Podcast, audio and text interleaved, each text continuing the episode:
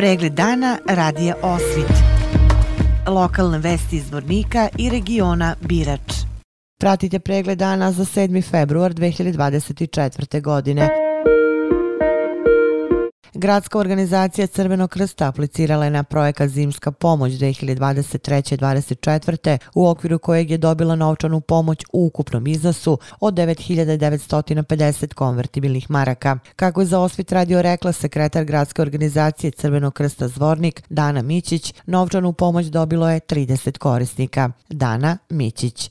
Gradska organizacija Crnog krsta je aplicirala na projekat Zimska pomoć 2023-2024. ju finansira e, Švajcarski Crni krst preko društva i Crnog krsta Republike Srpske. Ukupno, ukupno smo ovaj, dobili 9950 konvertivnih maraka, a učestvovalo je 30 korisnika. Od tih 30 korisnika su uglavnom morali da budu socijalno ugrožene kategorije, ove invalidi i da imaju preko 65 godina, za zatim e, više člane porodice i tako da smo mi izabrali 30 korisnika i čeka se samo novčana sredstva da se prebaci. A u okviru ove naših aktivnosti, evo i dobili smo informaciju da će već po treći, četvrti put vlada ovaj obezbijedila je za crvene krstove, stvari za socijalno ugrožene stanovnike koji i nisu na uh, spisku Centra za socijalni rad koji se nalazi u teškoj situaciji da mogu da se obrati Crvenom krstu i da preuzimaju brašno.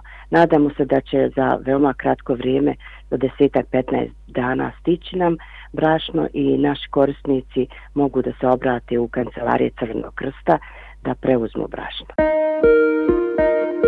Svakog prvog utorka u mesecu u gradskoj upravi grada Zvornika biće otvorena kancelarija Obdusmana za decu Republike Srpske. Sporazum o saradnji između grada Zvornika i Obdusmana za decu Republike Srpske, koji je potpisan prošle godine u maju, a podrazumeva realizaciju ove kancelarije, pokazao se kao dobra praksa. Ovim je stvorena prilika da se približe onima koji imaju potrebu da ukažu na povrede prava deteta iz ove regije. Direktan razgovor sa predstavnikom Obdusmana Republike Srpske predstavlja značajniji način rešavanja rješavanja problema koji se tiču prava deteta, tako da je dosadašnji rad dobar pokazatelj da je to potpuno opravdano i dodatan postrek da se nastavi saradnja u daljem periodu. Zamenik Obdusmana Jovanka Vuković svakog prvog utorka u mesecu u Kancelariji pravne pomoći u šalter sali u Zvorniku prima korisnike od 10 do 13 časova.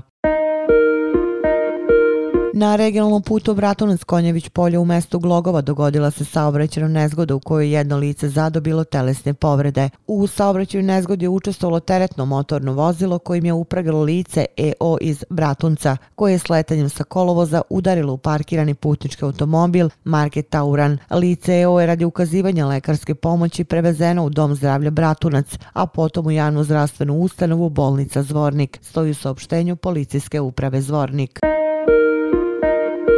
Sinoć je u bioskopskoj sali Doma kulture u Bratuncu otvorena osma po redu revija ruskog filma. Na otvaranju revije ruskog filma prikazan je film Dobrovoljčica u režiji Alekseja Kozlova, a tema ovog filma je Rat u Donbasu. U okviru revije bit će prikazana još četiri ruska filma. Pre početka revije ruskog filma načelnik opštine Bratunac dr. Lazar Prodanović je ugostio zamenika ambasadora Andreja Morozova u zgradi opštinske uprave Bratunac.